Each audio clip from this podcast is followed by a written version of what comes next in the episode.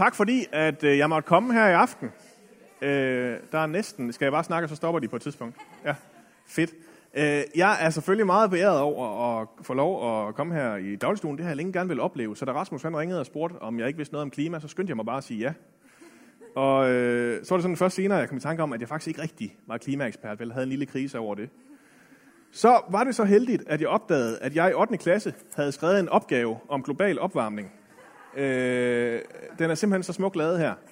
Og øh, den er blevet rigtig god. Jeg fik 10 for den. Og øh, jeg synes simpelthen lige, vi starter med øh, 14-årige Pelles konklusion på det her med global opvarmning. Hvad er det for noget? Jeg har fundet ud af, at global opvarmning er et meget stort emne. Jeg kunne, jeg kunne have brugt fire gange så lang tid på at skrive om emnet. En eller anden gang skal man jo være færdig. Jeg har da fundet ud af, at selvom det lyder farligt med drivhuseffekten, går det ikke hurtigt ind, at jeg er død og borte for længst. Alligevel synes jeg, at vi bør være mere ansvarsbevidste på grund af børnebørnene og dyrene. Jeg har fundet ud af, at USA, Kina og Rusland virkelig skal tage sig sammen omkring dette emne. Jeg synes, det er lidt dårligt af staten, øh, når man hører om, at der på forbrug temperaturen stiger, laver en skattelettelse og kræver, at vi skal sætte forbruget op. Ikke fordi jeg har noget imod forbrug, men det er i hvert fald ikke sådan, man skal stoppe opvarmningen. Vel er jeg ikke Bjørn Lomborg, og vel er det ikke Statens Institut for Miljøvurdering, men alligevel siger jeg, hvis det fortsætter sådan her, kan man godt glemme alt om at få isterninger i hovedet. Citat slut, Pelle Rønne Kvisgaard. Opgave skrev omkring den globale opvarmning og endnu ikke Nobelpristager. Og min lærer havde så skrevet, at det skal nok komme øh, som kommentar der til sidst. Øhm, det er selvfølgelig frygtelig pinligt at blive konfronteret med sit øh, 16 år yngre jeg. Øh, men, men jeg synes alligevel, at han har meget godt fat i noget, 14-årige Pelle. Så han kommer godt omkring det, som ligesom er, er udfordringer, når vi skal snakke om klima. En af dem er, at det er svært at overskue. En anden er, at det er en god chance for, at det faktisk ikke er mig, det går ud over. En tredje er, at der måske nok stadigvæk er et ansvar for børnebørn og dyr. Det kan vi godt genkende lidt. Og det fjerde er, at vi bliver ved med at forbruge, som vi altid har gjort. Det femte det er, at det til synligheden ikke rigtig er noget, som dem, der har mulighed for at gøre noget ved det, gider at gøre noget ved, alligevel når det kommer til stykket. Og selvom Danmark så gør noget ved det, så er vi lidt på den, hvis Kina, Rusland og USA alligevel ikke gider. Alt det her, det skal vi prøve at komme omkring i aften. Øh, og der må jeg nok bare stå ved, at på trods af den her fine rapport, som jeg fik 10 for, så er jeg ikke klimaforsker. Jeg er bare præst. Øh, og øh, ja, det, det, det skulle jeg sådan lige finde ud af at håndtere. Så jeg kom frem til, at hvis det ikke bare var mig, der skulle stå og sludre om ligegyldige præsteting i, øh, var det en time, jeg havde, Rasmus? Øh, så, øh, så var jeg nødt til at have en marker med. Øh, og så var det, at jeg kom i tanke om, at jeg har jo Laura. Laura Mortensen, hun, øh, hun arbejder for mig faktisk. Hun er min kommunikationsmedarbejder i kirken. Og hun er simpelthen en af mine forbilleder, når det handler om at leve sit liv på en bæredygtig måde. Øh, ja. Laura, ja. du er vokset op i kirken. Ja. Hvordan synes du, at det har været at være klimakæmper i kirken? Hvordan har kirken håndteret det? Og hvordan burde kirken håndtere øh, klimakampen? Ja, det er jo et meget spændende spørgsmål, som jeg tænker, at øh, os, der er vokset op i kirken, jeg er kommet i Aalborg Valgmenighed hele mit liv, øh, det ved vi jo måske noget om. Vi har jo oplevet, jeg har i hvert fald oplevet som øh, stigende klimatosse, hvordan det er at øh, nogle gange møde lidt en mur i kirken, når man begynder at tale om det her med klima. Og vi kom sådan lidt til at snakke om, da vi øh, skulle sådan brainstorme omkring det her emne, sådan, hvordan kan vi sådan lige vise den her mur, man nogle gange møder øh, i kirken omkring klima. Vi kom til at snakke om en fælles bekendt, øh, som først var klimatosse, sidenhen kristen, og hun oplevede simpelthen det her med, at når hun begyndte, hun var på nogle dates med nogle mænd, og så snart hun ligesom fik sagt, at hun gik sindssygt meget op i, øh, hvordan vi passede på vores jord, så kunne hun bare se, at de her mænd var sådan, ah, Og det er jo gode fromme kirkefyre, vi snakker gode, her. fromme kirkefyre. De var bare ja. sådan, ah, det skal jeg faktisk ikke lige have noget med at gøre. Og det oplevede hun sådan flere gange, og jeg tænkte, what? Men måske er det også lidt et øh, sigende symbol på, hvordan kirken nogle gange forholder sig til det her med klima. Der er sådan lidt en berøringsangst, eller sådan en, ej, oh, det tror jeg faktisk ikke lige overgår. Øh, det kan jeg ikke lige magte, den opgave. Og nogle af de holdninger, som jeg tit støder på, når jeg går ind øh, i den her debat, eller siger, at og jeg går faktisk ret meget op i det her med, hvordan vi øh, er på den her jord, det er tit det her med, oh, men hvad med øh, missionen? Skulle vi ikke hellere bruge en masse krudt på at komme ud og fortælle om evangeliet og omvende nogle folk, og vi vil jo hellere have dem med i himlen, end vi vil øh, redde den jord, vi ligger bag os. Øh, på en eller anden måde, så synes jeg, det giver udtryk for, at vi, øh, eller nogle gange som kristne, så kan vi komme til at sætte menneskene over den jord, vi er sat på. Og der er samtidig den her ligegyldighed af, hvorfor skulle jeg faktisk øh, bruge en masse energi på at, øh, at opretholde, og måske også ja, prøve at rydde lidt op efter noget af det råd, jeg har lavet på den her jord. Fordi Gud vil jo faktisk en dag øh, genoprette alt det brudte, tror vi jo på som kristne. Det er jo det håb, vi må leve i. Og så er der også det her med, jeg synes nogle gange, man hører det her med, ej, men vi er jo kristne. De der klimatosser, de er jo nærmest religiøse. Altså det har jeg faktisk ikke lyst til at være en del af. Det må vi jo gerne tage afstand fra. Det skal vi jo gerne tage afstand fra, den der afgudstyrkelse, der næsten kan opstå i øh, de moderne tider, hvor det er blevet sådan helt buzzword og sådan trendy at være bæredygtig. Øhm, det ved jeg ikke, om I kan genkende, at det er meget moderne. Øhm, ja, og, og der tænker jeg egentlig, det kunne være sindssygt fedt, hvis kirken gik meget mindre op i, at øh, sådan aktivt bare tage afstand fra det og blive sådan lidt mere passiv. Men i stedet for at ture og gå aktivt ind i det, og så leve på en måde, øhm, eller vi som kristne ture leve på en måde, som vi tror afspejler den Gud, vi tror på. Øhm, så mindre sådan at tage afstand fra, mere bare handlen og gøre, sådan som vi nu tænker, at man bør gøre. Ja. Og jeg tænker også lidt, måske hvis vi som kristne turde gå ind i den her problematik, så kunne vi faktisk få elimineret nogle af de der dommedagsretorikker og klimapessimismer, som ligesom opstår, fordi vi som kristne er givet en sindssygt stor gave i, at, øhm, at vi kan faktisk gå ind i den her debat på en mere sober og mere håbefuld og mere sådan kærlig måde, end vi tit oplever i medierne gøre det. Det præget af frygt og redsel, og der er også meget sådan en-til-en snak, hvor det bliver meget sådan udskammende. Det ved jeg ikke, om nogen af jer har oplevet, at det kan næsten blive nedladende, eller en konkurrence om, hvem der er mest bæredygtige. Og den her debat, den, den kan godt blive sådan lidt skinger og frygt fremprovokerende, og samtidig snæver og sådan ensidig, hvis ikke vi går ind i den som kristne, tror jeg. Fordi at øh, vi har den kæmpe gave, vil jeg sige, vil jeg stå her og påstå, at vi ikke bare kan tale om bæredygtighed, som på en eller anden måde handler kun om jord. Det handler kun om at være trendy og passe på den jord og dyrevelfærd og alle de der ting. Men vi kan faktisk få lov at gå ind i et meget bredere begreb, der hedder forvalterskab, som handler både om jord og om dyr og om mennesker. Og derfor synes jeg bare, det kunne være så fedt, hvis kirken turde at gå mere aktiv ind i den her debat. Ja. Og det, det oplever jeg, nogen som begynder at tage lidt til sig, men jeg synes, åh, jeg synes, det kunne være fedt, hvis der var flere, der er bare med på den. Ja. Og så... Skal vi have nogle spørgsmål? Kan vi få et spørgsmål op? Det har jeg her til dig, Lav. Det har du der til mig. Så kunne jeg godt tænke mig at spørge jer, hvordan du oplever, at der er plads til dig og dine klimaholdninger i kirkesammenhængen. Og når jeg siger, hvordan der er plads til dine holdninger, så kan det jo både være, at du går mega meget op i det, eller det kan faktisk også være, at du ikke går særlig meget op i det, og nogle gange har følt dig udskammet for det, eller ikke følt der var plads, hvis du gik mega meget op i det. Og hvordan synes du, din kirke håndterer klimaspørgsmålet? Hvordan vil du ønske, de håndterede klimaspørgsmålene? Det er lidt mange, men øh, nu er der lidt tid til, man lige sådan kan vende sig om til sin marker, sidemarker, og så lige tale om de her spørgsmål. Eller det, I nu finder mest interessant af de tre.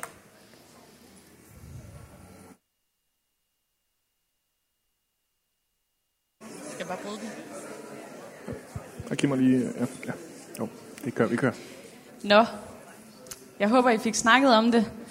Og nu øh, tænker jeg, nu har jeg jo sagt øh, nogle ting, øh, og jeg er bare, bare, jeg ved ikke engang, hvad jeg bare er. Jeg er i hvert fald ikke teolog. Tænker jeg at spille bolden videre og spørge her, hvad har en øh, præst egentlig at sige om det her med klima?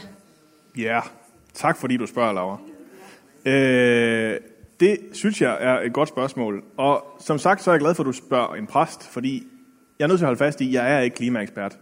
Det var en udmærket rapport, men, men, men ellers så, så, så, så er jeg nødt til lige at, at nøjes med at være præst for resten af tiden. Så det betyder, at min holdning til klima, den, den er ikke nødvendigvis en, jeg 100% selv øh, hvad skal man sige, er kommet frem til. Jeg lytter til eksperter, jeg læser artikler osv., men, men først og fremmest, så, så handler det jo om, om, om, om jeg oplever, at folk omkring mig, som jeg har tillid til det her spørgsmål, øh, at de, øh, hvad, hvad de fortæller mig. Og jeg er så, så heldig, at jeg har en mor, der er en biolog, og en lillebror, der nåede lidt længere med sin 8. klasses rapport, og skrev en Ph.D. om det. Øh, han har lige øh, færdiggjort den her om, om øh, reduktion af CO2. Den kan I skal sige til, hvis I skal have fat i den, så kan jeg godt skaffe den. Øh, og så længe de fortæller mig, at det her det er et spørgsmål, man er nødt til at seriøst, så gør jeg det. Og så synes jeg også, det er nødt til at holde fast i, at, at når vi snakker om klima øh, i kristne sammenhæng, så er vi nødt til at, også at sige, at det handler om meget mere end bare CO2-udledning.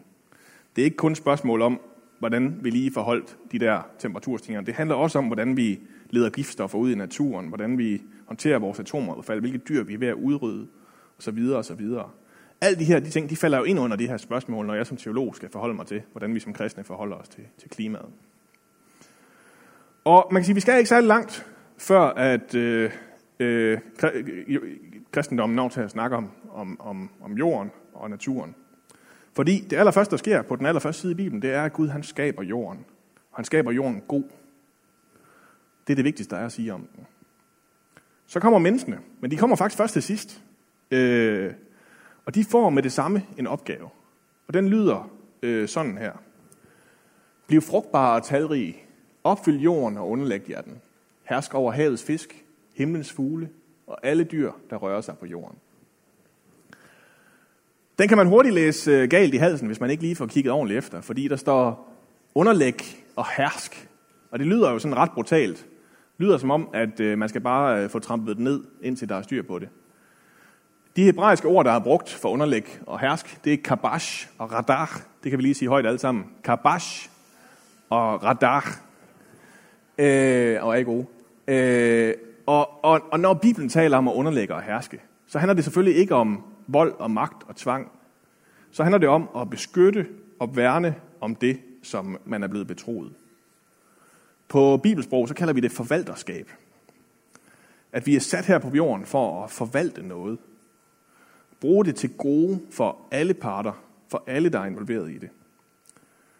Men ret hurtigt så sniger det sig ind i de fleste af os, at i stedet for at bruge det, så forbruger vi det. Så tror vi, at det bare handler om, at jeg skal bruge løs, og det eneste, det handler om, det er, at det er mig, der får noget ud af det. Det bliver jorden, der skal tjene mig, i stedet for, at det faktisk er mig, der skal tjene jorden, jeg er kaldet til. Det er sådan, vi lærer at leve vores liv. Når jeg står nede i supermarkedet og over køledisken og prøver at finde en, en frossen færdigret, jeg gider at spise i aften, så, så er det meget langt fra sådan en god indianertilværelse, eller sådan som det faktisk var for Adam og Eva, ikke også? Det er meget langt fra naturen, jeg er, når jeg når til at spise min mad. Øh, vi kommer helt, meget, meget hurtigt ud af kontakt med den jord, som vi egentlig er sat for at forvalte og for at beskytte. Sådan har det egentlig været længe. I øh, Jobs bog, der møder vi øh, Job simpelthen. Øh, og Job, han starter med at miste alt, hvad han ejer. Øh, og, så må han, og, og det gør selvfølgelig ondt, men så gør det endnu mere ondt, fordi det der, næste, der så sker, det er, at alle hans venner, de kommer og giver ham en masse gode råd. Og det er jo det værste, man kan gøre, hvis man først har mistet en masse ting. Så alle de her dårlige gode råd, dem får han, og hele vejen igennem, så skriger han efter svar fra Gud. Og da der så er gået 37 kapitler af den her bog, så dukker Gud endelig op. Og så kommer der endelig et svar fra Gud. Og det starter sådan her, og varer i fire kapitler mere. Vi burde læse alle fire, men, øh, men, men vi nøjes bare her. Det er virkelig, virkelig nogle smukke ord. Gud han siger, hvor var du, da jeg grundlagde jorden? Fortæl det, hvis du har forstand til det.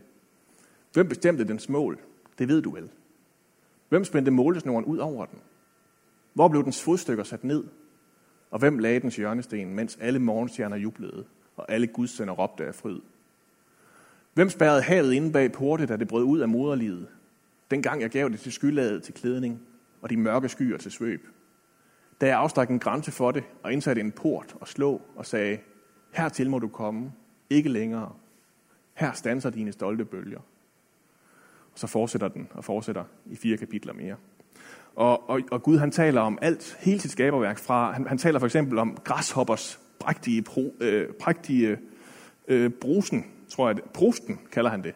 Og han taler om oksens muskler, der bumusklerne endda, som, som spænder på sådan en helt fantastisk måde, som han har skabt den til at spænde. Og hele skaberværket kommer han igennem. Og så sætter han simpelthen bare på den måde Jobs liv i perspektiv til hele den jordklode, han er sat på. Og så minder han Job om, at det er ham, der er Gud, og det er Job, der er menneske. Og det er sådan lidt mærkeligt, når man læser det, fordi på en, det, er, det er sådan på ingen måde rigtigt svar på noget af det, Job han spørger om. Job han, han klager over sin nød og prøver at finde ud af meningen med, hvorfor i alverden han skulle lide, som han led. Men alligevel så er det på en eller anden mærkelig måde, som om det faktisk hjælper. Som om, at Job han faktisk finder en eller anden fred igennem det her svar og den her måde at møde Gud på. Øh, det hjælper i hvert fald gevaldigt meget bedre end alle hans venners lorteråd, som han får. I stedet for så får han det her ord fra Gud, som jo på en eller anden måde handler om at huske sin plads i skaberværket, og på, at han er skabt til at leve i balance med den natur, han er sat i. Og det er ligesom om, at når han opdager det, så er der noget, der falder på plads i ham. Så er der noget, der falder på plads i os mennesker. Så mennesket, de er altså sat til at passe på jordkloden, til at forvalte jordkloden. Og når vi begynder at leve i den forståelse af naturen, så er der også noget, der falder på plads i os, af min påstand i aften. Nu kunne jeg godt lige tænke mig at teste jer på, om øh, hvor langt I er enige med mig i det her spørgsmål. Øh, det her tweet, det kom ud i september, og det, det var lidt furore på internettet. Øh, det lyder sådan her. Today in chapel we confess to plans. Together we held our grief, joy, regret, hope, guilt and sorrow in prayer, offering them to the beings who sustain us, but whose gifts we too often fail to honor. What do you confess to the plans in your life? Så her på Union Seminary, så skal de simpelthen sidde øh, til en gudstjeneste, og så skal de bekende deres sønder til nogle planter, de har slæbt ind i, øh, i kirken der. Så mit spørgsmål til jer så, kan man det? Kan man bekende sine sønder til planter? Og øh, det kan I lige snakke om, se om I kan blive enige om det. Men så skal vi faktisk have jer til at gå ind på footprintcalculator.org på jeres smartphones, og så prøve at se, om udbregne jeres forbrug på, hvor mange jordkloder I bruger på et år. Øh, så I skal lige være lidt tjep med det hele, hvis vi skal nå det hele den her øh, session. Men øh, først start lige med at starte om, snakke om det første spørgsmål. Kan man bekende sine sønder til planter?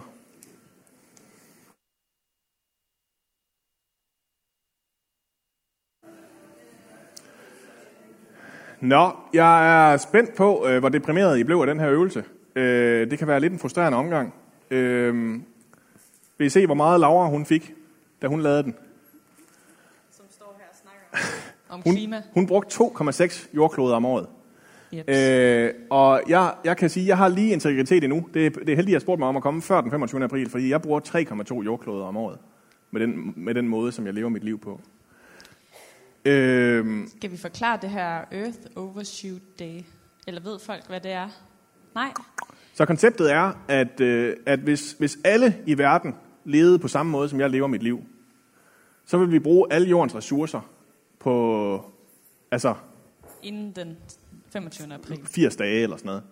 Øh, så, vil vi, så vil det kræve 3,2 jordkloder om året, året at opretholde den livsstil, som jeg lever, hvis alle på jorden skulle leve på den måde. Det gør det heldigvis ikke, så derfor går det lidt alligevel, men vi bruger stadig jordkloden hurtigere, end jorden kan nå at forny sine ressourcer. Øh, ja, og det er jo meget interessant, fordi når de stillede op på den der måde ved siden af hinanden, så kan man jo ikke rigtig lade være at sammenligne sig. Og jeg må indrømme, at da jeg tog den her test, der var jeg dybt pinlig over det. Fordi her skulle jeg ud og sige noget om, at jeg går meget op i klima, og så bruger jeg to og en halv jord om året. Jeg var sådan, det kan... Jeg var lige ved at krybe tilbage i mit hus og være sådan, jeg skal aldrig ud igen, før jeg har gjort noget ved det her. Og jeg begyndte sådan at forklare det med, om jeg bor faktisk også hjemme, og mine forældre har et lidt stort hus, det koster jo mange penge, og sådan. Men så så jeg Pelles, og pludselig havde jeg det lidt bedre med mig selv. Og det er jo det, jeg tænker, det er jo et godt eksempel på, hvad der nogle gange kan ske i de her klimasnakke. At man kan hurtigt komme til at sammenligne sig. Øhm, og nu prøver vi så alligevel, fordi øh, vi vil godt lige også være lidt personlige om, hvordan det ser ud i vores liv, og prøve at leve på en bæredygtig måde. Og nu har jeg sagt, at Laura hun er skide god til det, og hun bruger kun 2,6 jordkloder om året. Så derfor så er det jo interessant lige at høre, Laura, altså, hvordan, hvad for nogle valg har du taget for at prøve at leve på en mere bæredygtig og ansvarsfuld måde? Ja, jeg i den her proces, det har været meget sjovt at gå ind i den her proces, fordi No, det er jo tit sådan en rejse, man er på. Jeg startede med at se en dokumentar omkring, hvor dårligt det var at spise kød. Blev mega skræmt. Så skræmt, at jeg faktisk stoppede med at spise kød for fem år siden. Og øh, gik ind i det måske, altså faldt pladask ind i den der moderne, sådan, frygtindgydende øh, retorik. Altså den måde at tale om, at det hele går under, hvis ikke du ændrer din valg øh, og dine øh, vaner drastisk. Og har så ligesom de sidste par år måtte finde en lidt anden, eller sådan lidt, finde mit eget fodfæste i det her. Og det betyder blandt andet, at jeg spiser stadig ikke noget kød, fordi at jeg fandt ud af, at øh, jeg synes ikke, at jeg kunne støtte den store industri, det var at spise kød. Jeg synes simpelthen, jeg tænkte, kød er ret lækkert. Men jeg gad faktisk godt være så meget i kontakt med det, at jeg på en eller anden måde havde lidt hands-on i det. Og det synes jeg bare ikke, jeg havde, når jeg stod nede i supermarkedet og købte noget. Så det var ligesom øh, et valg, jeg tog, hvor jeg tænkte, okay, det må gerne koste øh, det, den her besværlighed. Jeg stillede mig selv det spørgsmål, hvad må det egentlig koste? Okay, jeg kan godt skære det fra. Så er der sådan noget som at tænke meget mere over mit forbrug. Det kan man også gøre. Øh, ikke støtte. Hvilke industrier har jeg ikke lyst til at støtte? Jeg har fx ikke lyst til at støtte nogen store tøjindustrier særlig meget, så jeg forsøger at gå igen genbrugstøj. tøj. Og øhm, så er der sådan noget med plastik og sådan nogle ting. Og på en eller anden måde, jamen jeg ved ikke engang, om det er sjovt at høre, men det, det viser, siger jo i hvert fald, at, at jeg har måttet kigge indad, og så finde ud af, hvad må det koste for mig, at jeg gerne vil prøve at passe lidt bedre på jorden. Og for mig så er det sindssygt vigtigt, når vi snakker om de her ting, at der virkelig bliver understreget, at det er en ting, man gør op med sig selv. Det er virkelig en individuel ting, som man øhm, selv må tænke over, sådan, hvad skal det betyde, at jeg er en forvalter af den her jord? Hvordan må bæredygtighed komme til udtryk i mit liv? Og, øhm, og bæredygtighed skal på en eller anden måde ikke blive grunden til det hele, men det kan blive måden, hvorpå vi, øh, øh, vores forvalterskab får lidt ben at gå på. Ja, hvis det giver mening. Ja. Hvad med dig, Pelle? Hvad gør... Må jeg lige spørge dig først? Ja. Øh, føler du, at du er radikal? Eller sådan, er, det, er, det sådan, er det hårdt for dig? Har du virkelig offret meget for at... Nej. Nej. Nej. Og det er også nogle gange pinligt. Altså, fordi, ja, fordi det skal man helst, før det gælder. Sådan det rigtigt. skal man jo helst. Ja. Eller hvad? Nej, det tror jeg faktisk ikke, man skal. Jeg tror, øh, det her, for mig så starter det med, at man ændrer lidt øh, sin, øh, sit syn på det her. Man finder ud af, øh, jamen, hvad, hvordan har jeg lyst til at leve, og hvordan forvalter jeg øh, den jord, vi er sat på.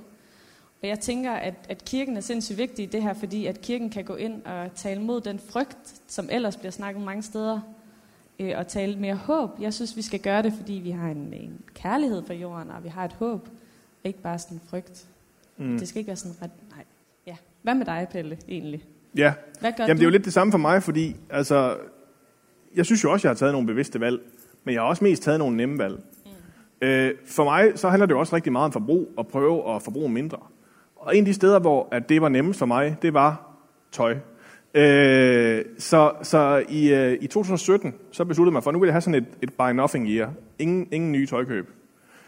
Og altså, det var ikke så stort et offer for mig, vel? Altså, øh, det der skete, var primært, at min mor og min søster gik totalt, min søster gik totalt i panik, og begyndte at finde alle lejligheder til at lige finde en anden lille tøjgave, jeg lige kunne få. Øh, og så var jeg ligesom nødt til at, at være sådan lidt mere sådan, øh, hvad hedder det, kontra øh, på den. Og så fandt jeg på at skrive på min ønskeseddel, at jeg ønskede mig tøj, men kun hvis det var garanteret, at det var produceret på en bæredygtig og etisk øh, forsvarlig måde. Og det skulle man så spørge ekspedienten om, hvis man ville købe noget til mig. Så, så det tror jeg egentlig er sådan mit største bidrag til klimaet, at jeg har sendt min mor, min mormor og mine søstre ud og, og hvad hedder det, gøre en masse tøjekspedienter meget, meget nervøse. Ja. Øh, og de har alle sammen lovet, lovet dem, at det var i hvert fald bæredygtigt, det de havde købt. Mm. Øh, og, øh, så, så det er en af de steder, hvor jeg har, har, har gjort det. Og det er også fordi, altså jeg, jeg sad lige og kiggede lidt på statistikkerne i dag. I 1980, der købte et gennemsnitligt menneske 12, 12 stykker tøj om året. Øh, I dag så køber man 68 stykker tøj om året i gennemsnit. Og, og, og det er jo mere, end man kan nå at bruge. Altså, det er jo det, altså, der er jo nogen, der trækker den op, og nogen, der trækker den gevaldigt ned. Så, så der, er jo, der er jo mange mennesker, som, som faktisk har mere tøj, end de overhovedet kan nå at bruge nogensinde. Og tøjproduktionen i 2018, så producerede det mere CO2 end øh, flytrafik og skibstransport til sammen. Øh, og altså ja, jeg kunne fyre masser af statistikker om, vi bruger 342 millioner to- øh, olie om året på at, øh, at producere øh, kunstigt, kunst, kunstige stoffer. Øh, Så, så jeg tænkte, det var simpelthen et sted, hvor jeg var nødt til at gøre noget ved det. Øh, så, øh, så har jeg en mobiltelefon, og øh, det var også sådan en, hvor jeg blev opvist om, mobilindustrien, den er altså lidt råden. Det er simpelthen ikke særlig godt, det der foregår der, måden det bliver produceret på. Så jeg købte en Fairphone, og en Fairphone, det var sådan en, hvor de sagde, at de ville simpelthen prøve at gøre alt, hvad de overhovedet kunne, for at, øh, at, at, at, at det blev produceret på en ordentlig og bæredygtig måde. Øh, den gik så i stykker til sidst. Og så stod jeg der, og der var ikke lige kommet en ny Fairphone. Det er der heldigvis siden, så den kan man nå at købe, hvis det er.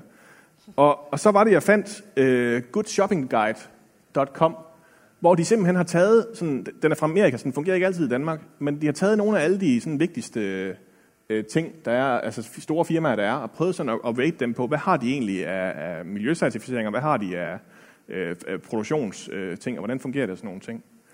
Og efter Fairphone, så var dem, der var bedst, det var, det var Nokia.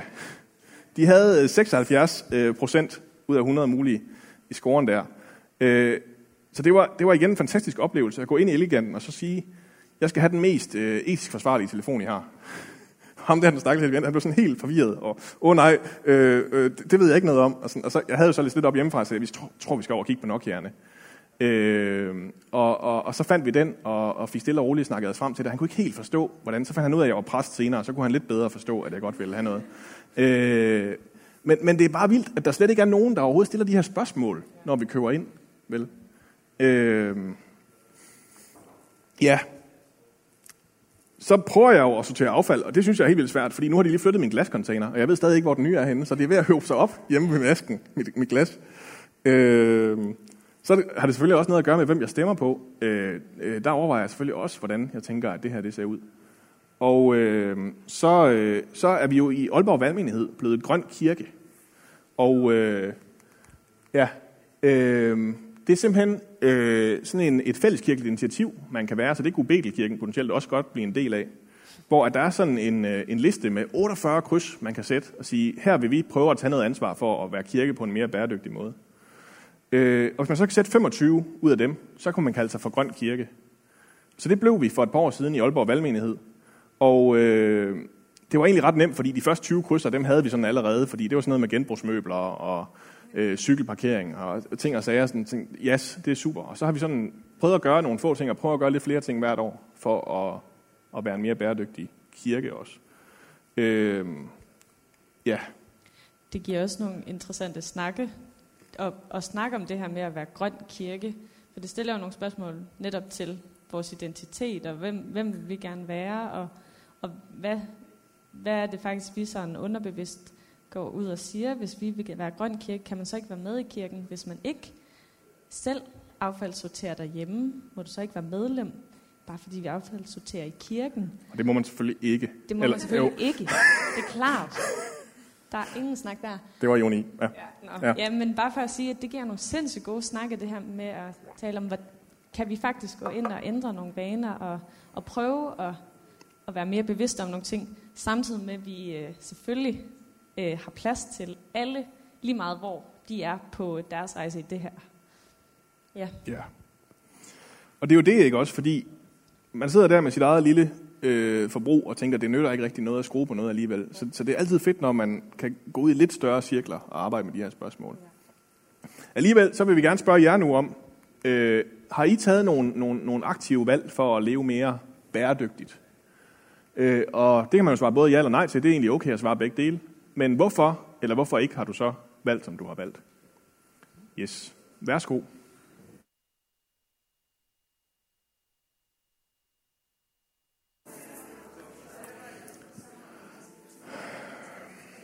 Ja, jeg håber, at I er en lille smule frustreret nu og hader, øh, i hvert fald mig, så må I selv bestemme, om I hader Laura en lille smule, fordi at vi er så farisæiske heroppe. Men, men, men samtidig så sidder man jo er sådan lidt frustreret, fordi det nytter jo ikke noget, Laura. Altså det nytter jo ikke noget. Du har gjort alt det her, og du bruger stadig, var det 2,6 6 jordkloder, ikke 2,8 skulle jeg lige sige. Nej, nej, nej, kun, kun 2,6. Altså, Hvordan kan du finde håb og tro på, at det stadig gør en forskel? Eller altså, at, at der stadig er noget, vi kan gøre, når det, når det nytter så lidt, dit lille private forbrug der? Ja, altså det, det kan også være svært. Det kan det. Det skal jeg ikke stå her og lade, som om det, det bare er en dans på roser. Men jeg synes, jeg oplever, at det fede ved at få lov til at være både nu siger jeg klimatosse jeg er jo ikke klimatosse, men så forstår folk ligesom, hvad det handler om.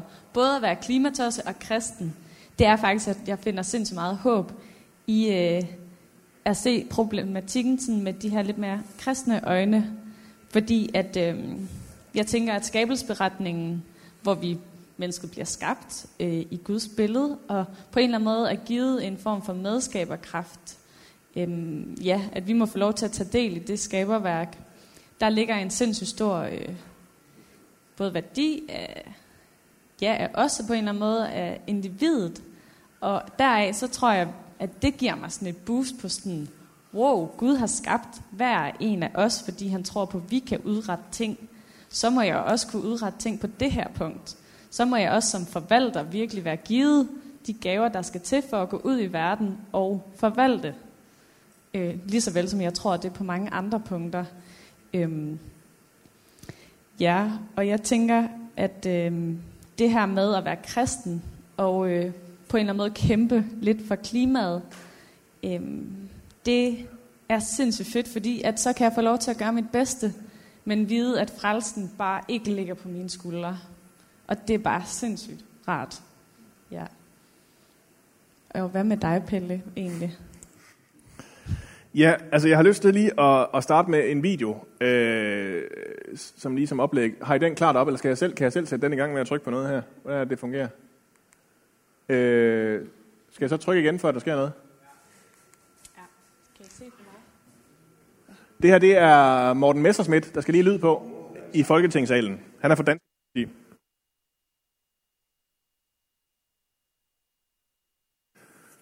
Altså, øh, det her, det synes jeg er sådan et godt eksempel på, at der alligevel er en forskel, man kan gøre, ikke også? Altså, det, det er vildt, at, at, at, at, at vi kan sige, at vi er gået så meget op i det, og så kan Morten Messerschmidt alligevel stå for en tom folketingssal og, og udpege hyggeleriet og sige, ja har jo ikke alligevel, når det kommer til stykket.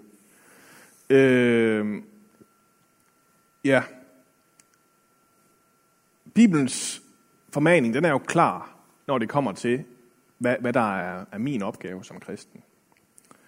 Vi skal være lydige øh, ikke resultatorienteret nødvendigvis, men vi skal være lydige imod det, som vi tror på, at Gud har kaldet os til. Det er faktisk sådan, at vi får lov til rigtigt at mærke, at Gud virker i os, påstår Bibelen. Øh, Paul han skriver det sådan her i Filipperbrevet, øh, som jeg lige har klippet lidt i. Derfor, mine kære, I som altid har været lydige, arbejd med frygt og bæven på jeres frelse. For I er Guds lydefrie børn midt i en forkvaklet og forvildet slægt, hvor I stråler som himmellys i verden og holder fast ved livets ord til den stolthed for mig på Kristi dag. Gud han kalder os for himmellys i verden. Øh, I en verden, som på mange måder, det kan vi jo kigge os ud og se, er ved at falde fra hinanden, er ved at, at, at, at være på vej til rotterne. Og et himmellys, det får altså lov at stråle her, med en lille bitte stråle af det, som skal komme en gang. Det, som vi kan se i himlen, øh, der hvor alt skal være godt igen. Så jeg er kaldet til at leve som et himmelys i verden, og det, jeg vil sige, jeg vil fortolke det sådan, at jeg er kaldet til at leve symbolsk i verden. Jeg ved godt, at det ikke er mig, der kommer til at gøre forskellen. Men derfor så er jeg stadigvæk et symbol, øh, et billede på, hvad det er for en verden, der skal komme. Øh, og det, det er jeg ved at være lydig og ved at være trofast mod det, jeg er kaldet til. Ved at forvalte jorden på en ansvarlig måde i det her tilfælde. Og her er vi mennesker jo faktisk ret unikke. Dyr og planter, de kan ikke begrænse sig. Dyr, de æder hvad, alt, hvad de sætter foran, man sætter foran dem. Planter, de, de breder sig ud over og fjerner andre arter for at komme til og få dog til at fylde så meget som muligt. Men vi mennesker, vi har faktisk fået evnen til at begrænse os. Til at lade være med at forbruge. Vælge noget til og vælge noget andet fra. Og det synes jeg, vi skal holde fast i. Men så står vi stadigvæk der, og på trods af at være himmellys og øh, lydige og alt muligt andet, og alle de mobiltelefoner, som man ikke har købt, og alle mulige ting, så må jeg stadigvæk bare indrømme, at jeg ikke altid slår til. At jeg ikke er noget særligt godt himmellys altid. Og når det kommer til måden, vi er i verden på omkring os, så er der bare ikke nogen af os, der rigtig kan komme derop vel. Jeg mødte en, øh, sådan en rigtig klimaforkæmper, som, som udover at hun gjorde alle de andre rigtige ting, så havde hun også taget det valg, at hun kun tog ultra kolde bade, ultra korte kolde bade, for ikke at bruge en masse varmt vand fra jorden.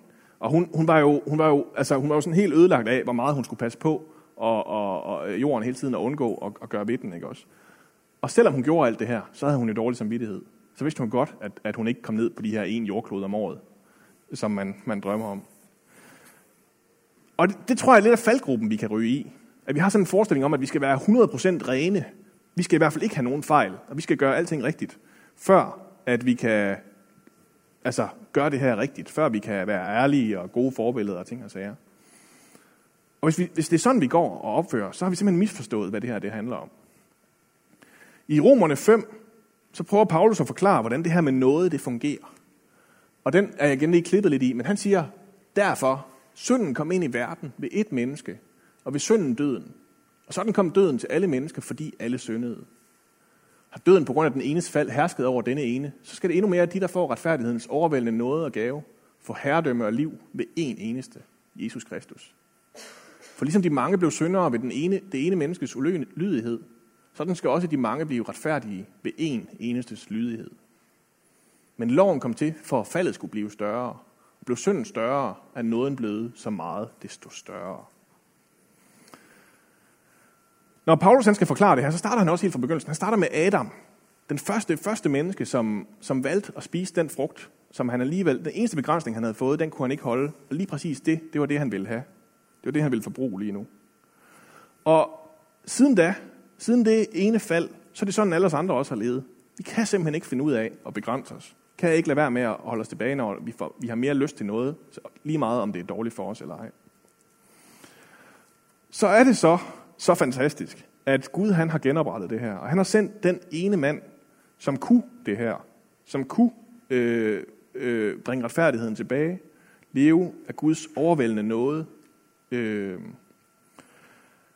og, og det betyder faktisk, at øh, det, at mange er blevet syndere ved det ene menneskes ulydighed, det gør også, at vi alle sammen er blevet retfærdige ved det ene menneskes lydighed. Det er det, Kristus gør. Han kommer og genopretter alt det her. Gør alt det, som, som vi ikke kunne styre godt. Og så har Paulus den her frække påstand til sidst, at når faldet er blevet større, og synden er blevet større, så er nåden faktisk også blevet større. Jesus, når han taler om det, så taler han om, at den, der har fået tilgivet meget, elsker meget.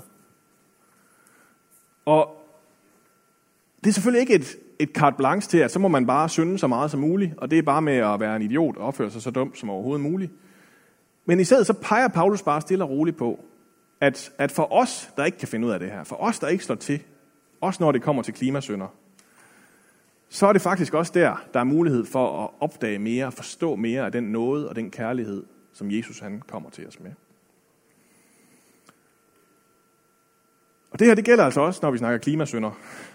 Det er også en chance for mere af vores tillid og mere af vores kærlighed til Jesus, når vi oplever, at, at verden er ved at falde sammen, sammen omkring os, og der ikke er nogen, der tager ansvar, og vi kan heller ikke selv finde ud af at tage ansvar.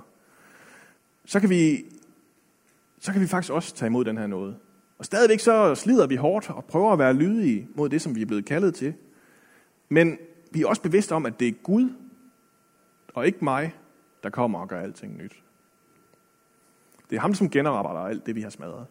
Det er mere, end vi selv kan klare. Skal vi bede sammen?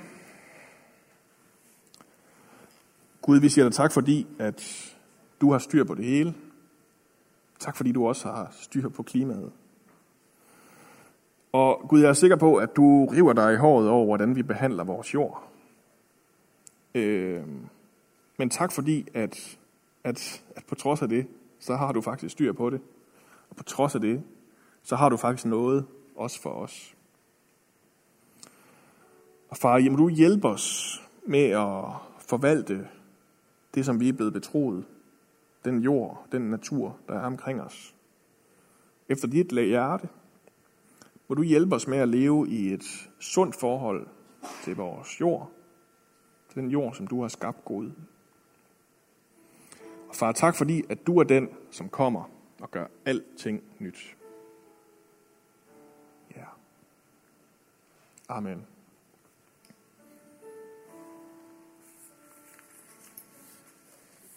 Ja, skal vi give dem en hånd? Tusind tak, at I vil komme og øh, dele det her. Det var virkelig inspirerende og udfordrende, tror jeg, for ret mange af os.